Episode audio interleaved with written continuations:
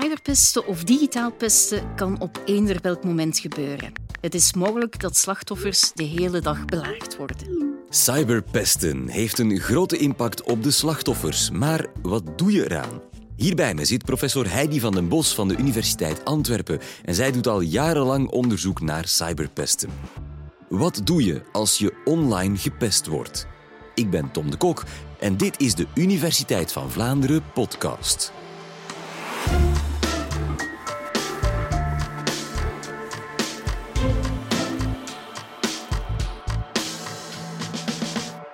Denk even terug aan je jeugd. Ongetwijfeld heb jij ook wel herinneringen aan pesterijen. Misschien was je zelf een slachtoffer, misschien was je zelf een pestkop. Of misschien zag je het gewoon gebeuren.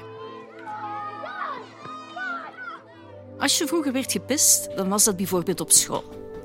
In de gangen, op de speelplaats of op de toiletten. Wellicht een plaats waar er geen leerkrachten waren. En dat pesten kon dan ook verschillende vormen aannemen. Er werd iets gemeen gezegd, hé hey, dikzak, of je brooddoos werd gestolen, je werd in de plas geduwd, of je mocht niet meedoen met spelletjes. Nu gebeurt het pesten ook online. We noemen dat dan cyberpesten. Je ontvangt bijvoorbeeld een belediging of een bedreiging via Messenger. Bijvoorbeeld een bericht zoals iedereen haat jou of je wordt zwart gemaakt in een Instagram-groep.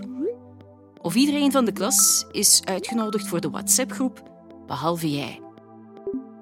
Dit soort van pesten gebeurt dus via computers, via smartphones en eigenlijk alle toepassingen die daaraan verbonden zijn. Denk maar aan TikTok, YouTube, Snapchat enzovoort.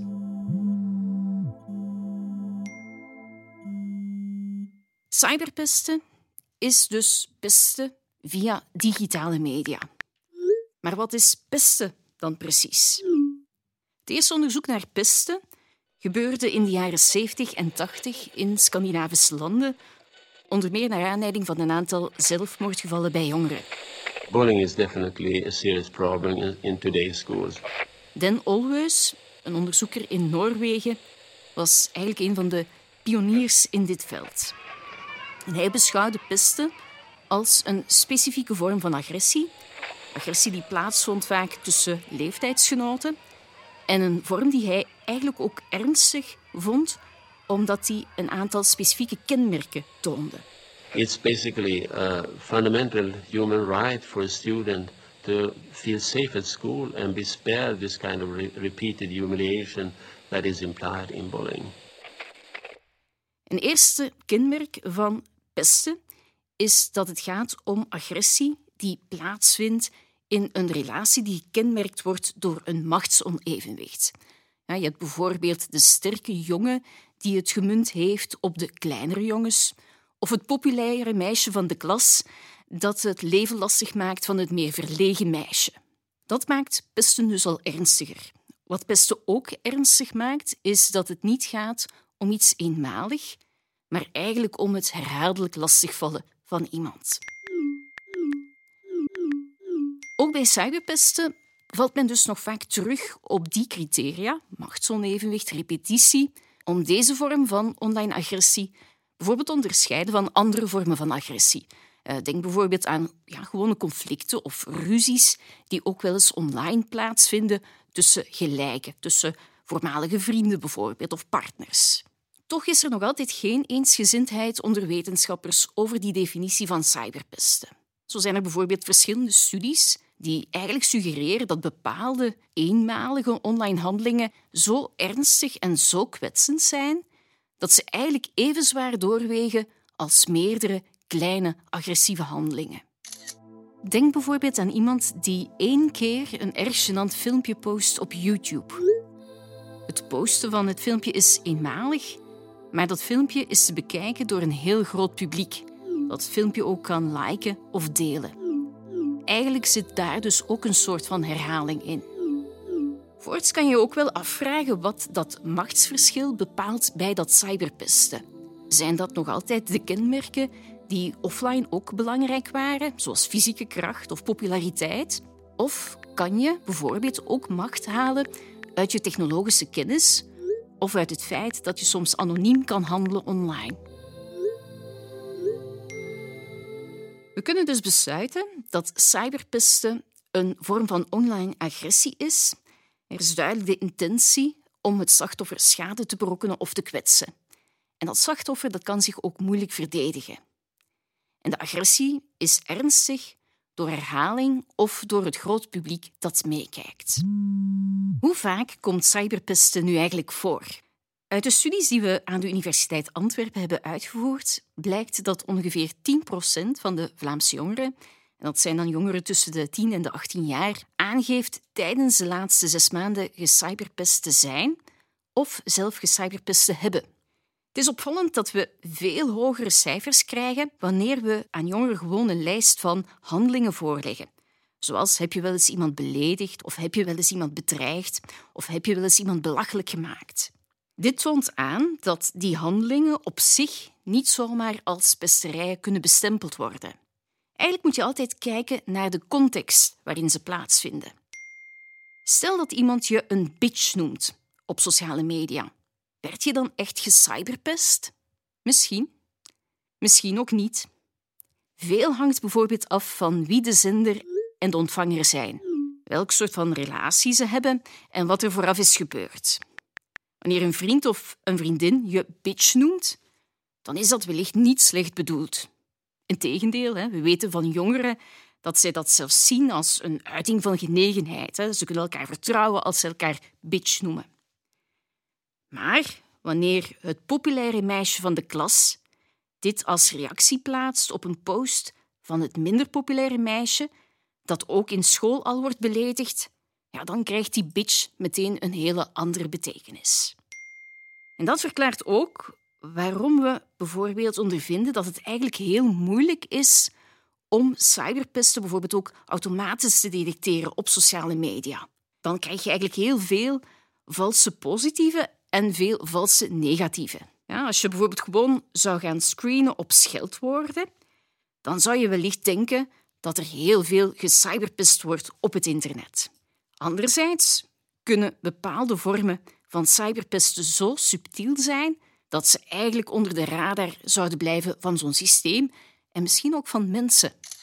Denk bijvoorbeeld aan een foto die je ziet op sociale media, een foto van gelukkige vriendinnen die samen op een verjaardagsfeestje zijn. En die foto die wordt gepost op Instagram. Maar stel nu dat die foto daar eigenlijk werd geplaatst om een ander meisje dat niet werd uitgenodigd op dat feestje, om dat meisje nog maar eens te tonen dat ze er niet bij hoort. Dat zouden we ook een vorm van cyberpesten noemen. Hè. Je wordt opzettelijk uitgesloten door de groep. Cyberpesten komt dus relatief vaak voor, maar nog altijd minder dan het traditionele offline pesten. Maar wat is de impact van het probleem? We zien dat slachtoffers, wanneer ze geconfronteerd worden met pesterijen online, zich uiteraard heel erg verdrietig en uitgesloten en machteloos voelen. We zien echter ook gevolgen op wat langere termijn. Zo toont onderzoek aan dat jongeren die alleen het slachtoffer zijn van cyberpesten meer last hebben van depressieve gevoelens, van angst en stress dan jongeren die enkel traditioneel worden gepest. Maar de meest negatieve gevolgen zijn te vinden bij jongeren die zowel online als offline gepest worden. Eigenlijk zou je kunnen zeggen dat zij een dubbele portie krijgen en nooit en nergens meer veilig zijn. Het pesten kan dan 24 uur op 24 zeven dagen op zeven doorgaan. En je kan overal, zelfs wanneer je dus thuis bent, belaagd worden. Beeld het je eens in. Je hebt dan al een zware dag op school gehad. Je komt thuis en daar komen de berichten alweer binnen. Wel is het belangrijk om op te merken dat niet alle vormen van cyberpesten evenveel schade toebrengen. Het is minder erg om via een privébericht een belediging te ontvangen dan bijvoorbeeld belachelijk gemaakt te worden voor een grote groep mensen in een filmpje dat via YouTube wordt verspreid. Zo'n filmpje kan bovendien ook blijven circuleren, zodat je er, bij wijze van spreken, jaren nadien nog mee te maken kan krijgen. Nog maar eens een dramatisch verhaal Als ouder moet je attent zijn voor signalen dat je kind gepest wordt op de sociale media, want dat kan heel zwaar wegen. In de media duiken af en toe ook berichten op over jongeren die gecyberpest werden en zelfmoord hebben gepleegd. Gereinend verhaal van een 15-jarige jongen die zelfmoord heeft gepleegd nadat er een naaktfoto van hem was rondgestuurd. Weet uit onderzoek dat cyberpesten inderdaad zorgt voor een verhoogd risico op suïcidale gedachten en suïcide, naast andere factoren. Maar gelukkig zijn de gevolgen van cyberpesten in de meeste gevallen minder dramatisch. Kan je cyberpesten nu voorkomen en wat doe je als je gecyberpest wordt? Sociale mediabedrijven zoals Facebook reiken gebruikers technische hulpmiddelen aan om bijvoorbeeld zelf te bepalen met wie ze bevriend zijn en met wie ze ook welke soort van inhouden delen. Dat kan inderdaad helpen om het risico op cyberpesten te verkleinen, maar het helemaal uitsluiten kan je nooit. Als het probleem zich dan toch voordoet, dan zien we ook wel dat jongeren het probleem graag zelf proberen op te lossen. En ook dan kunnen ze een beroep doen op de middelen die sociale media aanreiken. Zo kunnen ze de pesterij bijvoorbeeld rapporteren of melden. Natuurlijk is het wel belangrijk dan dat die bedrijven vervolgens iets doen met de melding. En dat blijkt niet altijd het geval te zijn. Zelf hebben we bijvoorbeeld een onderzoek gedaan bij slachtoffers van slutshaming. Dat zijn jongeren uh, die op sociale media werden uitgemaakt voor slet of hoer. En de meisjes die dat hadden meegemaakt, die gaven eigenlijk aan dat hun meldingen weinig tot geen gevolg kregen. Onderzoek toont ook aan dat jongeren daarnaast ook nog andere dingen kunnen doen, dat er nog andere copingstrategieën zijn. Toch weten we nog altijd niet helemaal wat de beste strategie is voor wie en in welke omstandigheden. Wat wel duidelijk is, is dat terugpesten of je verdriet tonen vaak niet werkt, of zelfs het tegenovergestelde effect kan hebben. De situatie kan verergeren. Wat wel lijkt te werken, is erover praten met anderen. Medeleerlingen, vrienden, ouders, leerkrachten kunnen je immers niet alleen emotioneel opvangen, ze kunnen je ook echt advies geven over hoe je de cyberpesterijen zou kunnen proberen te doen stoppen. Praat er met iemand over, ga naar je ouders of je docent, want iemand moet het weten en ze kunnen je heel goed helpen, zoals bij mij. Als jij vroeger gepest bent of thuisproblemen hebt, dan moet je het niet op andere kinderen afreageren. Dan kan je beter naar een vertrouwenspersoon gaan.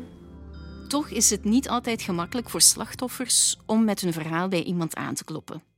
Ze voelen zich vaak verdrietig en beschaamd en twijfelen soms ook of ze er wel goed aan doen om het te vertellen aan een volwassene, bijvoorbeeld een ouder of een leerkracht.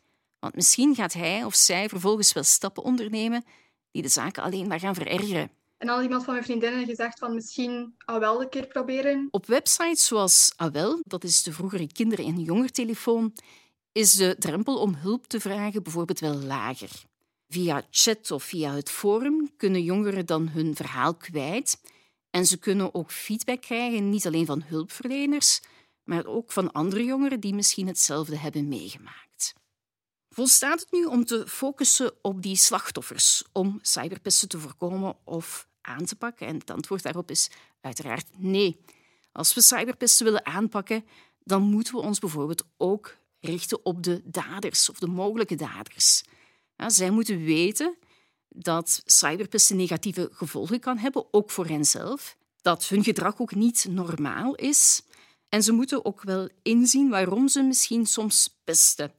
Zijn het bijvoorbeeld negatieve emoties die ze via die manier of via die weg proberen te uiten?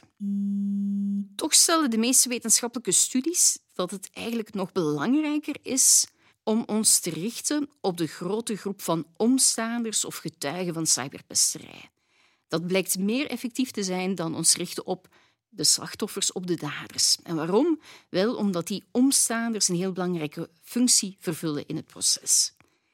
Als omstaanders duidelijk laten blijken dat ze cyberpesterij niet leuk vinden, dan zal dat een impact hebben op zowel de pestkop als op het slachtoffer. De pestkop zal niet meer bevestigd worden in zijn of haar gedrag en zal dus minder geneigd zijn om in de toekomst nog te gaan cyberpesten. Maar ook het slachtoffer voelt zich meer gesteund door de grote groep En dat is toch wel belangrijk, hè? want cyberpesten leidt heel vaak ook tot het gevoel van eenzaamheid. Cyberpesten is dus duidelijk een erg complex probleem dat ook niet altijd even makkelijk te herkennen is. Er bestaat ook geen eenvoudige oplossing voor. Heel wat actoren, leerlingen, leerkrachten, ouders, in ernstige gevallen zelfs de politie of psychologische hulpverleners, maar ook technologieontwikkelaars en beleidsmakers moeten actie ondernemen om cyberpesten te voorkomen, te detecteren en aan te pakken.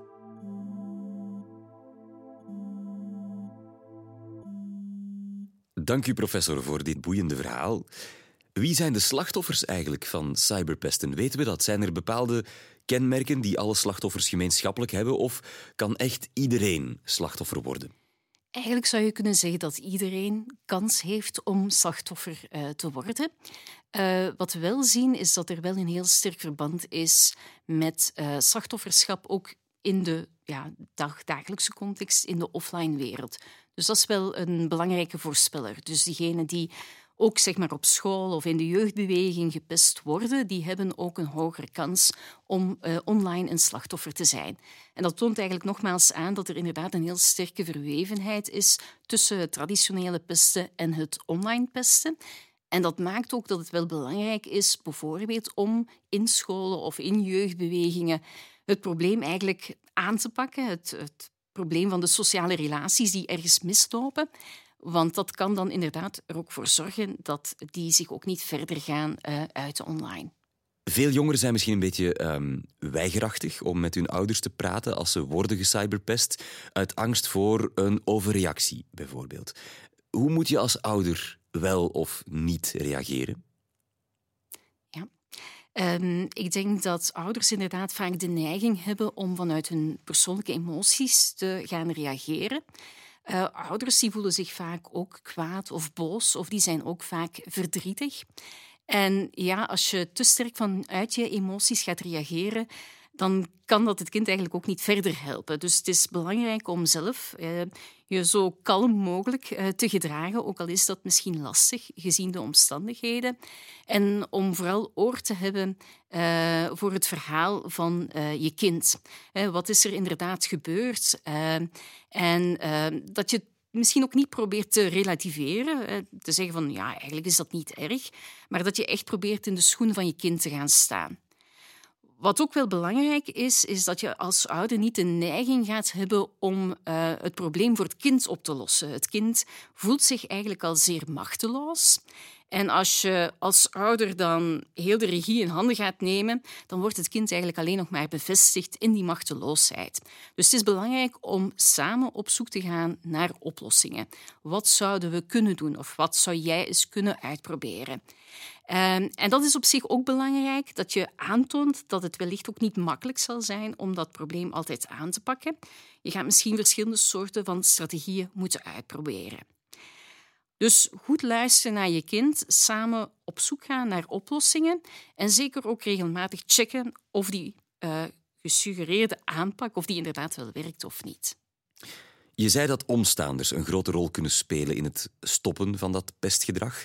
Maar dat lijkt me niet evident om als omstaander echt in te grijpen. Ik kan me voorstellen dat er bijvoorbeeld een angst is om zelf ook gepest te worden nadien.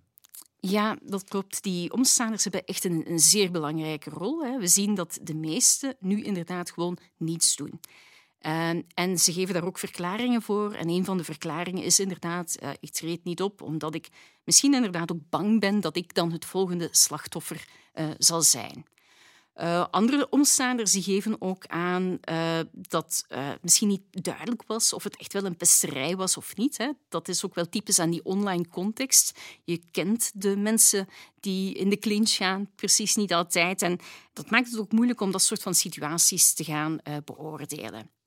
Ehm, wat we ook wel zien is dat als het wel als dusdanig wordt herkend als een cyberpesterij, dat of jongeren iets willen doen ook wel afhangt van hun relatie met het slachtoffer of hun relatie met de dader.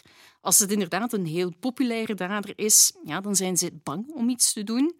Ehm, als het slachtoffer ook iemand is die vaak een beetje aan de kant staat eh, of iemand is waarmee ze niet bevriend zijn, dan zullen ze ook minder geneigd zijn om in te grijpen. Wat wel belangrijk is, is dat je ook niet altijd publiekelijk moet reageren. En dat kan toch voor velen een, uh, ja, een reden zijn dan om het uh, toch te doen. Uh, je moet dus niet bijvoorbeeld op de Instagram-pagina publiekelijk de dader gaan zeggen van dit kan niet. je kan dat ook via een persoonlijke boodschap doen. Of je kan ook gewoon via een persoonlijke boodschap het slachtoffer gaan steunen. Dus wij zeggen altijd, je moet een manier vinden als omstaander uh, die eigenlijk uh, veilig is voor jezelf, waar je je goed bij voelt. En je kan dus kiezen uit heel veel manieren om ofwel inderdaad je te richten tot de dader of tot dat slachtoffer. En ook, ja, je kan natuurlijk ook gewoon in gesprek gaan hè, als je die personen kent en als je die ook ziet uh, in de schoolcontext. Dat is dan ook wel een plaats om het bijvoorbeeld te bespreken of gewoon hè, om je, het slachtoffer je steun te betuigen. Dankjewel, professor Heidi van den Bos. Dus, omstaanders en toekijkers, verenig jullie, want jullie kunnen de slachtoffers echt helpen. Ben je benieuwd wie die cyberbullies eigenlijk zijn en wat hen drijft tot zulk wangedrag? Luister dan zeker volgende week. Graag tot dan.